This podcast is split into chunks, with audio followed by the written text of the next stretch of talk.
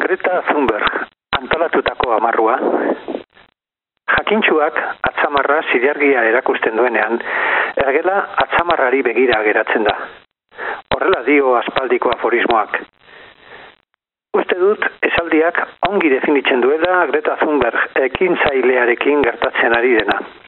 Gretak, nahiko era argian adierazi du aldaketa klimatikoaren arazoaren larria baina asko eta asko berari begira daude. Bere ahotsak seinalatzen dituen arazoei harreta handirik jarri gabe.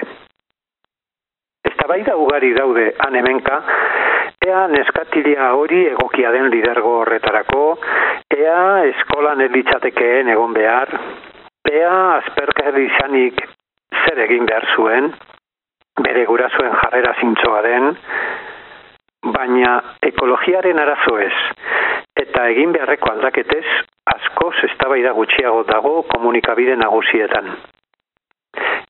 Ekintzaile zuediarra oso zuzena da bere zalaketetan eta adierazpenetan.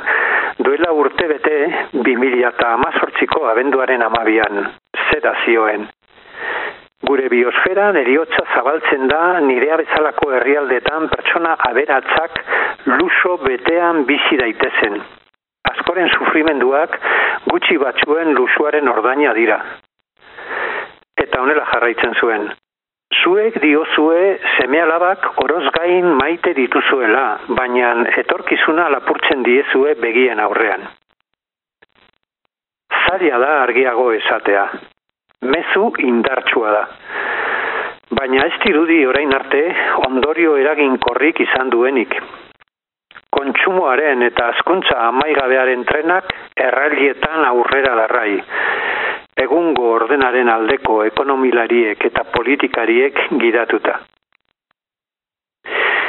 Zer ari da gertatzen itzal mediatiko izugarri handia duen neska honen mezuarekin? Julian Bagini idazle eta filosofoak onela adierazi zuen de guardian egunkarian nerabe gazte eta idealista mugimenduaren burua eginik oso erraza da bere kanpaina gutxiestea, inozo eta idealista ere delakoan. Neska zuediarrak berak behin baino gehiago tan esan du foku gehiegi jartzen direla bere pertsonari begira, klimaren arazoari begira jarri beharrean.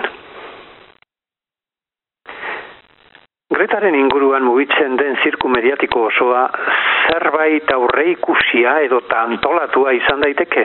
Horregatik auspotu da inbeste Greta Thunberg personaia komunikabide nagusietatik. Aldaketa klimatikoaren erronkaren egiazko eskakizun larriak lainotan usteko estrategia dugu hau?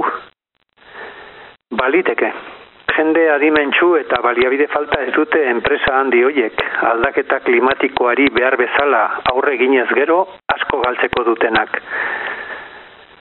Argi dago, ekidin nahi dela ez tabaida arriskutsua.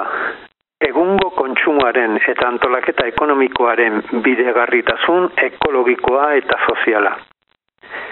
Grepta bera kezko ezi bihurtu nahi dute. Auskalo. Euskal Herrian ederki dakigunez, ez dago fidatzerik komunikabide nagusiekin. Eta are gehiago komunikabideek interes propioak dituzten nagusiak dituztenean. Aldaketa klimatikoari erantzuteko beharreko neurri beharrezkoak egon behar lidateke Time aldizkariaren portadan, eta ez Greta Thunberg.